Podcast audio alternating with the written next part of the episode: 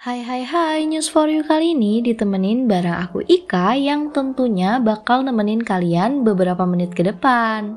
Oh iya, gimana nih kabarnya teman-teman? Pasti baik dong. Kali ini aku bakal bawain berita yang lagi hangat dan juga viral, yaitu SEA Games di Kamboja. Ternyata, Kamboja sebagai tuan rumah pertama yang menyelenggarakan SEA Games karena sebelumnya mereka menjadi peserta dalam acara olahraga regional penyelenggaraan yang diubah sebelumnya akan dijadwalkan pada tahun 2021 namun terhalang oleh pandemi COVID-19 sehingga dijadwalkan ulang pada tahun 2023 saat ini. Yang menariknya nih, jumlah cabang olahraga mereka bertotal 39 cabang yang akan dipertandingkan di SEA Games 2023 di Kamboja, termasuk sepak bola, bulu tangkis, renang, atletik, dan voli pantai. Pembangunan mereka serta fasilitasnya juga pemerintah Kamboja membangun beberapa fasilitas seperti Stadion Olimpiade Nasional dan kompleks olahraga di Phnom Penh. Tapi ada juga loh kontroversi mengenai pendanaan dari penyelenggaraan SEA Games ini,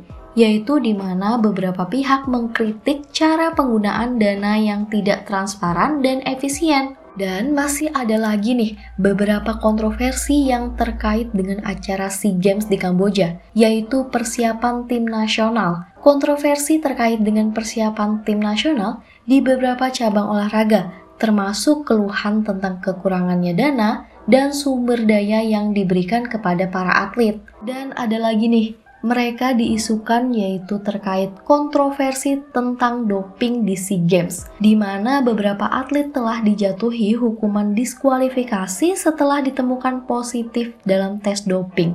Tes doping ini sendiri yaitu tes medis yang dilakukan pada atlet untuk mendeteksi apakah mereka telah menggunakan bahan-bahan terlarang atau performa meningkat yang dikenal sebagai doping.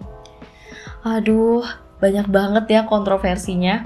Tapi nggak cukup sampai di situ, ada lagi nih kontroversi yang lain, yaitu kontroversi politik. Mereka mengkritik pemerintah Kamboja karena menggunakan SEA Games untuk mempromosikan kebijakan politik dan membungkam suara kritis termasuk aktivis dan jurnalis yang menentang pemerintah.